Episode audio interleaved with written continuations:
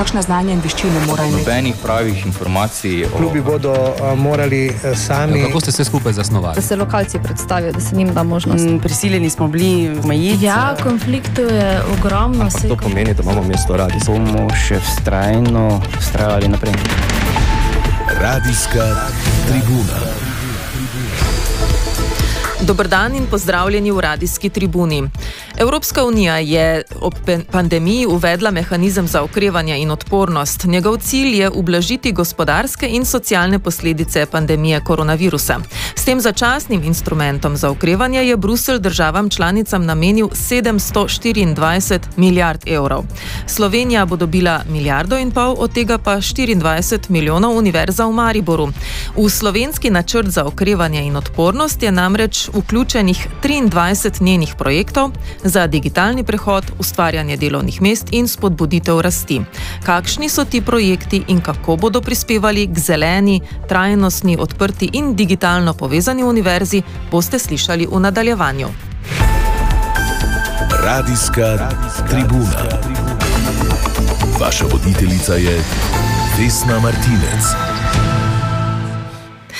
V studiu sta se nam pridružila prodekan za raziskovalno dejavnost Fakultete za elektrotehniko, računalništvo in informatiko dr. Boštjan Vlaovič in predstojnik Centra za humano genetiko in farmakogenomiko na medicinski fakulteti dr. Uroš Potočnik, tudi predstojnik katedre za biokemijo na Fakulteti za kemijo in kemijsko tehnologijo. Dobro dan obema. Dobro dan. Torej, naša država želi z načrtom za okrevanje in odpornost doseči bolj trajnostno gospodarstvo in družbo, in pa odgovoriti na izzive in priložnosti zelenega in digitalnega prehoda. Eh, kako se, dr. Vlaovič, v ta načrt vključuje Univerza v Mariboru in zakaj pravzaprav? Ja, hvala lepa za vabilo. Uh, začel bi mogoče uh, z eno širšo motivacijo glede tega, zakaj je Evropska unija uh, postopala tako, kot je. Gre namreč za uh, premislek zadnjega desetletja, kaj je potrebno narediti za to, da bomo prišli v tako imenovano družbo 5.0, uh, ki bi seveda naslovila vse izzive preteklih obdobij, saj vidimo, kakšne so posledice. Eh, na osnovi tega je izpostavila zeleni in digitalni prehod, pa bi mogoče eh, v tem trenutku poslušalce želel eh, seznaniti malo širše, kaj to pomeni. Ne?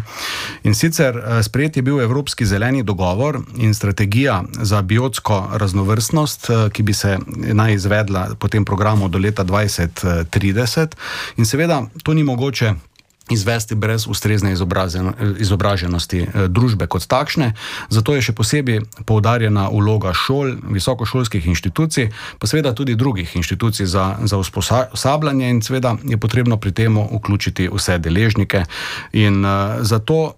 Če želimo doseči ta zeleni prehod, je potrebno seveda eh, vsem učečim, vseh starosti zagotoviti dostop do visoko kakovostnega in seveda tudi vključujočega izobraževanja. Sedaj imamo uh, vrsto skupin, ki uh, nimajo tako, ni tako samoumevno, da so, imajo dostop do izobraževanja. V Sloveniji imamo to relativno dobro urejeno, vendar to ne velja za celotno Evropsko uh, unijo.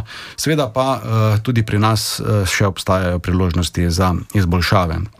Gre za željo, da se uh, izobraževanje in usposabljanje vključijo podnebne uh, tematike. Se pravi, če ne bomo dovolj izobraženi, bomo težko sprejemali odločitve tako na osebni ravni, kot na sistemski ravni. Zdaj, da ne bo Eh, da se bo razumela tudi širina tega področja, eh, naj povem, da v okviru teh NO projektov eh, zasledujemo tudi cilje trajnostnega razvoja Združenih narodov, ki so sprejeli tudi za to priporočila in usmeritve, strateški okvir za evropsko sodelovanje v izobraževanju in usposabljanju, opredelitve Evropske referenčnem okvirju, ključnih kompetenc za vse življenjsko učenje. Spravi, cela kupica gradiv in dokumentov in priporočil je nastala v okviru Evropske unije, ki se sedaj nekako povezuje v te projekte, ki jih uh, izvajamo na poziv uh mhm. -huh. seveda našega uh, ministrstva. Torej, rekli ste, vključiti cilje, med drugim vključiti podnebne tematike v izobraževanje in pa vse življenjsko učenje. Eh, prav vse fakultete Mariborske univerze so se vključile v teh 23 projektov, torej vse vseh 17 fakultet in um, zasnovali ste skupno torej, 23 pilotnih projektov. Kakšni uh, pa so konkretni cilji, oziroma kaj bodo ti projekti prinesli, tako univerzi kot študentom? Tako. Uh, Mora biti uh, samo še se, trenutek, no, da, da povem, recimo, kaj je definirano kot, kot trajnost. Ne? To se pravi, deli se v štiri področja, se pravi trajnostne vrednote, uh, kjer se naslavlja tudi uh, promocija narave in pravičnosti, potem sprejemanje kompleksnosti in trajnosti, kjer se vključuje sistemsko razmišljanje, kritično razmišljanje, ne, pa tudi reševanje problemov. In tu se takoj lahko navezujemo na vse članice in na, na naše študijske programe. Načrtovanje trajnostne prihodnosti, le kako in kdo jo bo načrtoval, če ne naši diplomanti, za katere pa prepoznavamo, da se lahko na tem področju še dodatno izobrazijo. In seveda potem tudi trajnostno ukrepanje, kar vključuje aktivno državljanstvo in tudi individualno uh, ukrepanje. In zdaj, če postanemo še malo uh, konkretni in pogledamo uh, projekte Univerze v Mariboru. Uh, Univerza v Mariboru v okviru teh pilotnih projektov naslavlja šest sklopov, ki jih uh, izvaja na nivoju celotne univerze, na to pa so tudi vse članice pripravile svoje pilotne projekte. Ne. Na nivoju univerze kot celote uh, bomo pripravili uh, prehod v brezpapirno poslovanje za zeleno in digitalno povezano univerzo v Mariboru, uh, sledi odprti dostop do vseživljenjskega izobraževanja, pripravili bomo enotno točko za delodajalce in inovativne oblike sodelovanja z študenti, kjer že izvajamo določene projekte. Z vsemi članicami bomo sodelovali ravno pri tem, kar sem vzpostavil uvodoma, se pravi, da pripravimo učinkovito izobraževanje za zeleni in digitalni prehod, ter seveda s poudarkom na izkustvenem študiju z večprojektnega, problemsko usmerjenega in timskega dela. In še en projekt, o katerem bomo pa morali biti še malo več spremenili, eh, spregovorili, ker se mhm. dotika prav vseh članic, ne, in to pa je agilni razvoj izobraževanj in mikrodokazil. Uh -huh, uh -huh. Zdaj, eh, ti s temi pilotnimi projekti želite tudi doseči eh, zmanjšanje neusklajenosti med znanjem diplomantov in potrebami trga dela. Tako naj bi bili študijski programi, ko bodo prenovljeni oziroma posodobljeni, bolj usklajeni s potrebami gospodarstva in družbe. Eh, kako konkretno, eh, da nimo to. Uresničujete pri projektu, ki ga sami vodite, uh, in se imenuje Agilni razvoj izobraževanj in mikrodokazil. Ja. E, jaz bi želel poudariti, da to sploh so mikrodokazila. Ja. E, bi, najprej bi poudaril to, da na Univerzi v Mariboru imamo zelo dobro razvit sistem spremljanja kakovosti. E, vsi študijski programi imajo vodje študijskih programov, imamo programske svete, kjer vključujemo podjetja. Tako da naši študijski programi so že sedaj zelo kakovostni in pripravljeni za potrebe trga. Zdaj, kar se navezuje na mikrodokazila, ne, pa je pa mišljeno z vidika vseživljenjskega učenja.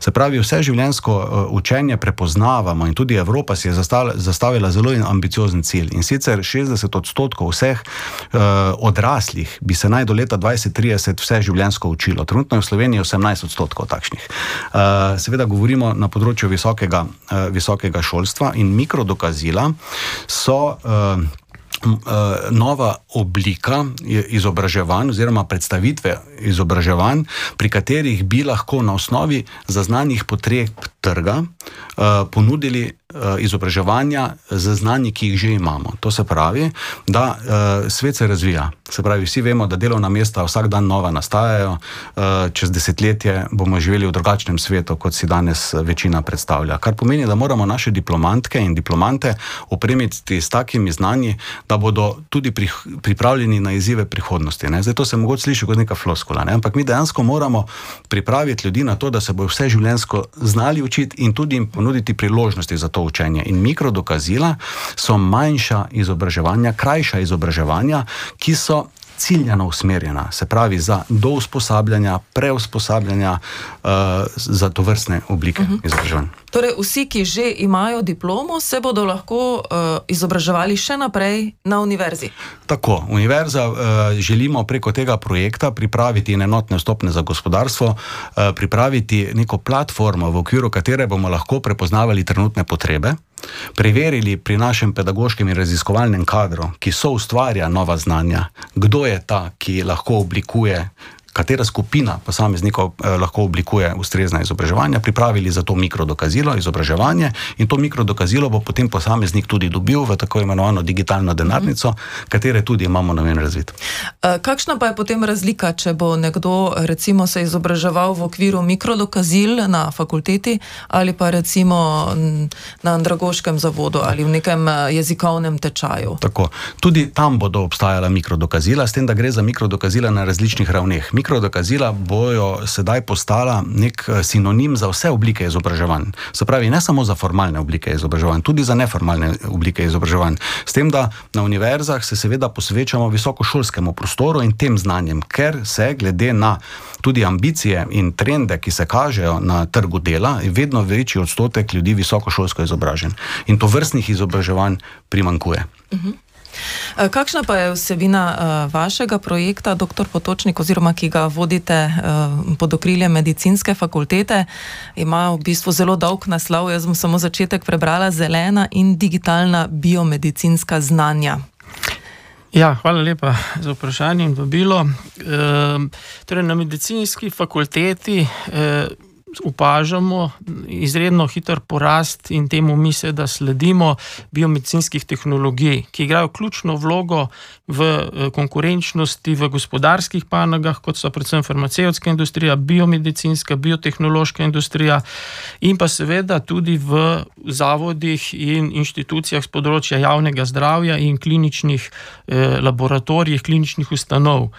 In seveda zaposleni tem novim tehnologijam in novih zahtevam, treba seveda poudariti, da rekel, te avtomatizirane tehnologije generirajo tudi ogromno število podatkov, eh, ki resnično zahteva digitalna znanja in predstavlja določeno težavo, in seveda mi smo tu. Ta, te želimo nasloviti. Ne. Naslovili bomo pa z dvemi ukrepi, torej tako imenovanim organizacij eh, delavnic eh, v okviru vseživljenjskega učenja z mikrodokazili, kaj, o čemer je že bil govor.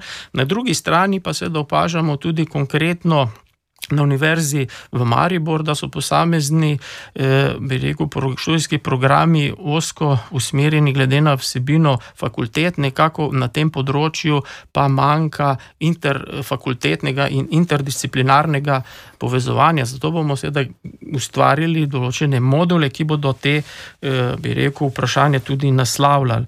In če samo kot ilustracijo, da je bo bolj konkretno jasno, recimo pri predstavili bomo eh, delavnico za bioinformatiko, ne, kjer bo seveda pomagala pri obdelovanju teh digitalnih podatkov, eh, kot seveda tudi bo neka podpora rekel, zdravnikom, eh, ki se uvajajo v digitalizacijo v, v zdravstvu.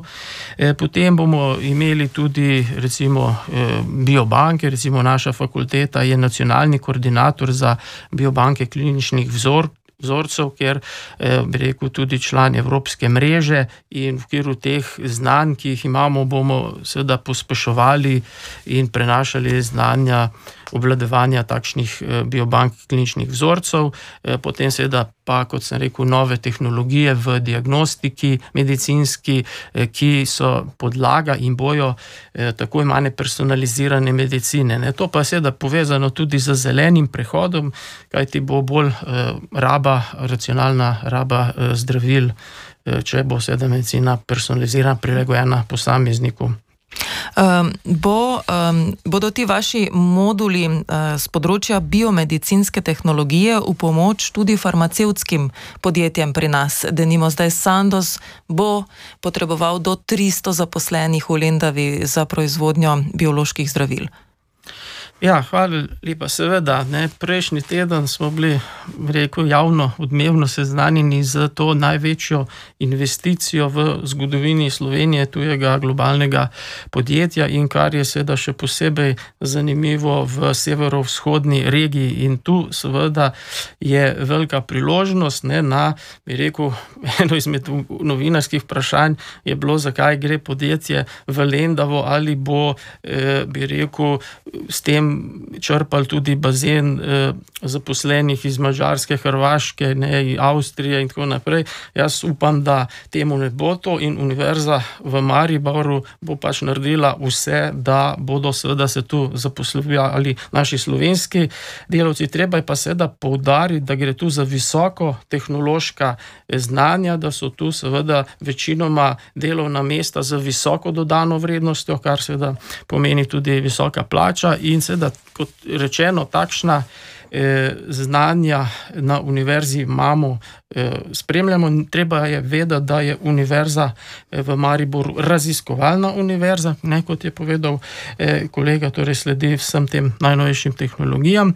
In zdaj v okviru tega projekta ne, imamo seveda tudi zelo dobre, eh, saj jaz jih tako vidim, eh, inštrumente, urodja, s katerimi bomo lahko ta znanja posredovali v okviru teh mikrodokazil, delavnic in tako naprej. Kajti težko je predstavljati, da bi zdaj, seveda, zaradi atraktivne eh, investicije enega podjetja lahko čez noč eh, prilagodili specifično in zamenjali celotne študijske programe, to je povezano z reakreditacijo in tako naprej. Ne. Tu pa jaz vidim, rekel, inštrumente, ki so bolj gibki, ki, so, ki se lažje eh, prilagajajo. In to je ravno bistvo tega, da se, bi rekel, hitro odzovemo na zahteve trga in zaposlivalcev. Eh, se bodo lahko te module vključevali vaši študenti ali tudi tisti, ki so že zdravniki oziroma kemiki, biologi? Ja, kot, kot rečeno, ne, ti delavnice in moduli bodo odprti za vse, tako za že zaposlene, kot seveda tiste, ki. Ampak z določenim predznanjem. Ne? Ja, vsekakor eh, tisti, ki bo želel in videl in potreboval določeno znanje, se bo tu vključil v te delavnice in te module. In pa, kot rečeno, tudi, seveda, želimo že pripravljati eh, študente, ki so šele vključujejo na trg dela, ne, kajti vedno se tu nekako. Lovimo ravnoteže med bazičnimi, temeljnimi znanji in pa seveda konkretnimi znanji, in to je ravno, jaz vidim, da bo zapolnil ta prostor, uh -huh. kjer bomo lahko zelo specifična znanja po, ponujali, ker ti moduli bodo zelo hitro se spremenjali, uh -huh. lahko jim prilagajali. Gospod Vlaovič? Ja, hvala lepa. Zdaj, kolega je zelo dober uh, navezal in sicer še na drugo področje. Ne? Prej sem se uh, zelenemu prehodu po svetu, zdaj bi pa mogoče dotaknil še digitalnega prehoda. In sicer Evropska Unija je prepoznala, da so to vrstna znanja uh, ključna. Za hitri napredek na področju to vrstnih novih tehnologij, kot so umetna inteligenca in mobilnost, obnovljivi viri, vesoljske tehnologije, robotika, računalništvo, oblako, vele podatki, ki jih je kolega omenil, kibernetska varnost, seveda, vedno bolj uh, pomembna.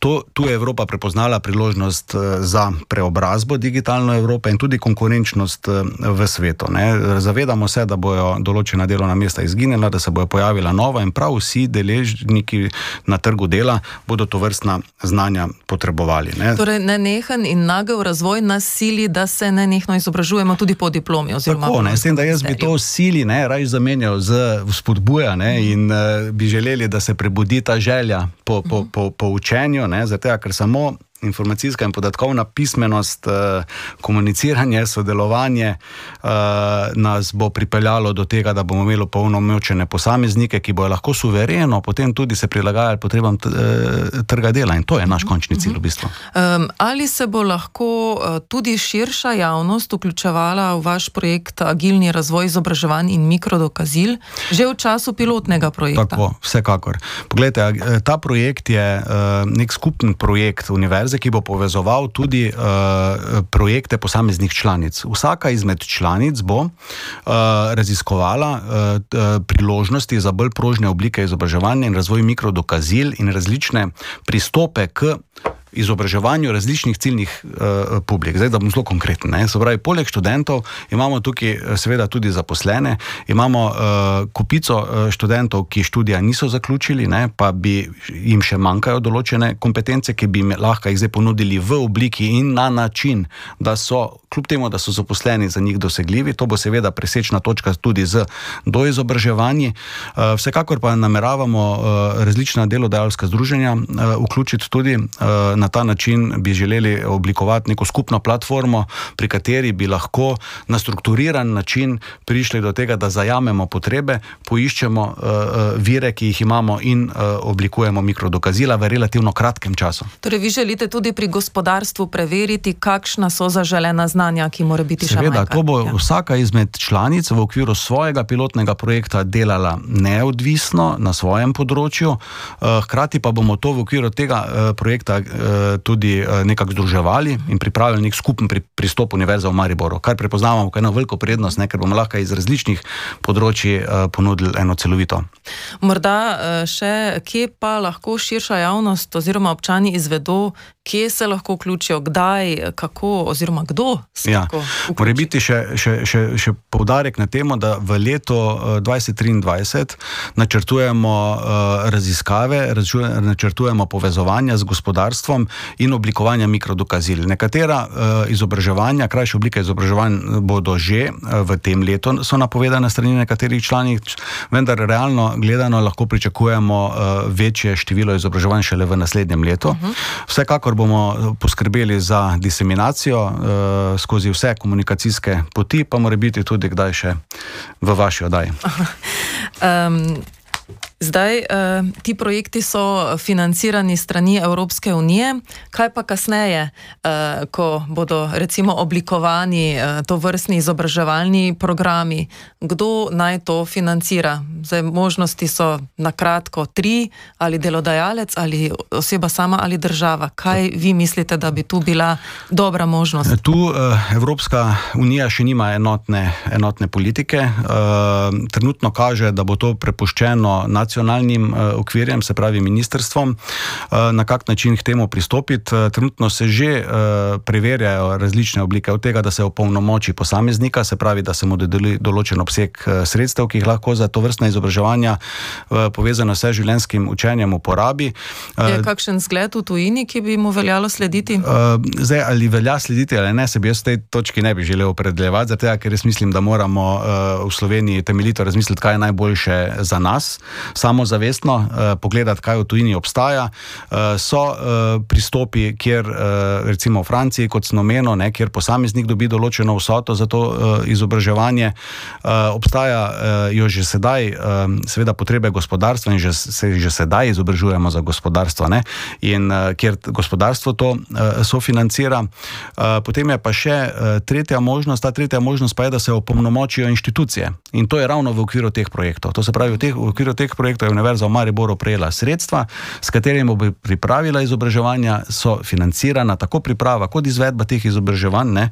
To pa je tretji pristop. Zdaj, kateri je najučinkovitejši, je najboljši, eh, je stvar razprave v okviru Slovenije, bi pa tu na tem mestu samo želel res poudariti pomen kakovosti. Ne. To se pravi, potrebno je tu zagotoviti tudi ustrezen nadzor kakovosti. Uh, izobraževanje. Uh, torej, rekli smo, nagel razvoj um, nasilju oziroma spodbuja k vseživljenjskemu živ, uh, učenju. Uh, kaj bi pa vi rekli, doktor Potočnik? Uh, Katera so tista znanja na vašem področju kemije, oziroma glavna področja, kjer diplomantom manjka znanje, oziroma si ga morajo kasneje pridobiti zaradi razvoja znanosti? Nekaj ste jih že navedli. No? Ja, vsekakor. Torej, izhodiščno in tako tudi v našem naslovu so to te nove biomedicinske tehnologije. Ne? In tu bi seveda eh, želel izpostaviti, da ravno v rekel, veji eh, visokotehnoloških, biomedicinskih, biotehnoloških podjetij je Slovenija nekako v zaostanku, vendar predvsem v v srednji regiji, v Ljubljani, se sedaj ta zaostanek za razvito Evropo zmanjšuje. Ravno kar so recimo, pridobili 30-milijonski projekt za eh, zdravljenje, gensko zdravljenje in eh, zdravljenje za celičnimi linijami, torej, eh, torej celicami, celične terapije in tako naprej. In na severovzhodni regiji je, je tega absolutno premalo in ravno sem nekako vesel uh, za, bi rekel, to tovarno bioloških zdravil, ki bo vsekakor neki uh, novi uh, spodbuda, ne? ampak seveda to ne bo torej, edini zaposlovalec, upam, da bo potegnil za sabo, da se bo tudi v tej regiji, bi rekel, ta nova zagonska podjetja, z biotehnološka, kot podarjam, z visoko dodano vrednostjo. Torej, In seveda ta podjetja so tudi uh, ustrezno, bi rekel, bolj se lahko prilagodijo uh, manjšemu obrevanju okolja, kot pa tako imenovana težka industrija. Ne? Seveda v, z upoštevanjem točno določenih standardov, se pravi biološke varnosti, varnosti z delom z genetsko spremenjenimi organizmi in tako naprej. In ravno tako mi uh, v okviru teh uh, delavnic ta znanja ponujamo, ne, da prav, za ta manjša uh, podjetja, torej takšni veliki veliki globalni, imajo seveda te, eh, bi rekel, administrativne zahteve eh, v nulo narejene, ampak eh, bi rekel, za te ideje manjših zagonskih podjetij pa verjamemo, da bomo ponudili mhm. neko roko spodbudo in zagnali ta razvoj tudi, bi rekel, v tej severovzhodni regiji. Pilotne projekte v okviru NOO ste na Mariborski univerzi začeli izvajati lani, nadaljevali pa se bodo letos, prihodnje leto in še vse do konca leta 2025. Uh, koliko bo pa to vplivalo, oziroma ali bo to vplivalo na vse študente Mariborske univerze? Uh, omenjali ste, um, dr. Vlaovič, vključevanje podnebnih tematik. Ali to pomeni, da bodo na vseh uh, smerih študijskih imeli uh, tudi v študijskem programu ja. to vrstne? Ja, hvala lepa. To je dobro vprašanje in sicer tako je v okviru uh, projekta Učinkovito izobraževanje za zeleni in digitalni prehod bomo ravno naslovili te tematike. Ne? To se pravi, jaz bi želel tu povdariti, da že od leta, mislim, da od leta 2016 uh, naprej uh, uvajamo na Univerzi v Mariboru, do sedaj na univerzitetnih študijskih programih, tako imenovano prosto izbirnost. V okviru te proste izbirnosti lahko študenti izbirajo učne enote, v okviru katere koli članice, pa tudi širše. Uh, sedaj v okviru tega uh, pilotnega projekta. Pa želimo to vrstne uh, organizacijske pristope uporabiti tudi na visokošolskih strokovnih študijskih programih. Uh, in, uh, uvesti uh, organizacijo študija na ta način, da bodo študenti lahko to izbirali. Nobenih ne bo v to silo, ne? to se pravi, oni bodo imeli to priložnost, da to uh, izberejo. Hkrati pa smo pozvali vse članice, da razmislijo, ali v svojih študijskih programih te vsebine že vključujejo, kar seveda je res, ne? jih vključujejo in da te vsebine uh, ustrezno identificirajo in jih uh, more biti v prilagojeni obliki ponudijo tudi študentom ostalih članic. Ne? Bodo pa rezultati pilotnih projektov, ki jih izvajate na Mariborski univerzi, tudi tudi podlaga za pripravo izhodišča reforme slovenskega visokega šolstva. Morda kaj vi pričakujete, da bodo izsledki teh projektov in na to izkupiček, kako se bo slovensko visoko šolstvo preoblikovalo ja, na podlagi? To je, to je en izmed osnovnih ciljev. Ne? En izmed osnovnih ciljev je, da preverimo, na kak način uh, na, na visokošolski stopnji izobraževanja uh, lahko zasledujemo potrebe družbe in kaj bi bilo smotrno uh, spremeniti. Uh, tako da ja, verjamem, da bojo to dobra izhodišča. Uh, potrebno jih bo seveda dati v, v, v nek skupen kontekst, uh, na tem del, delujejo delujejo seveda vse univerze uh, v Sloveniji, ne, tako da bomo, verjamem, imeli tudi usklajevanja srečanja in preverjali rezultate. Projekti so namreč zasnovani na cikličen način. Ne, se pravi, želimo si, da bomo vsaj dva, dve, dve periodi uh, imeli, ne, se pravi, da zasnujemo rešitve, preverimo rešitve, uh, ugotovimo pomankljaje in uh, na to izvedemo novo, novo, novo izvedbo. Gospod Potočnik? Ja, čisto na kratko bi sam uh, se navezal ne, na vključenost študentov. Se pravi, vsekakor so študenti uporabniki vseh teh, vendar seveda bodo tudi tvorno sodelovali, ne, tako kot je kolega povedal. Eh, mi bomo to naredili raziskavo, zasnovali te, potem izvedeli in potem bomo povrat, s povratno informacijo eh, spreminjali. Ne, tudi bo pomembna eh, seveda mnenje študentov, s katerimi delavnicami so bili zadovoljni, kaj jim je koristilo, kaj jim ni in tako naprej. In tako bomo seveda to izpolnili popolnili.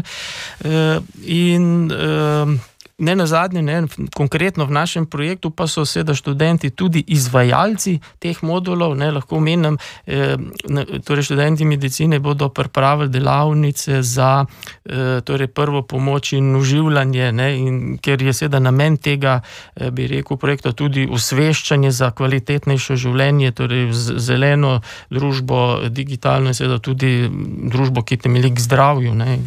Hvala lepa obema za obisko studiu in za ta pogovor in seveda uspešno izvedbo projektov in razvoj izobraževalnih oblik. Hvala lepa. Hvala lepa. Poslušalcem pa hvala za pozornost. Slišali ste, Mariborska univerza bo iz načrta za odpornost in okrevanje prejela skoraj 24 milijonov evrov in jih namenila za pilotne projekte, ki bodo prispevali k razvoju univerze, gospodarstva in družbe. O njihovih rezultatih in učinkih pa bomo na Radio Maribor še poročali. Ostanite v naši družbi.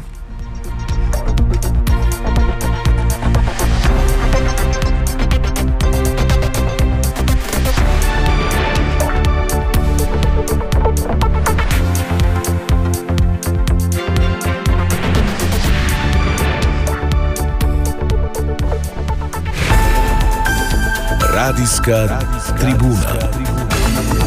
Radio Maribor.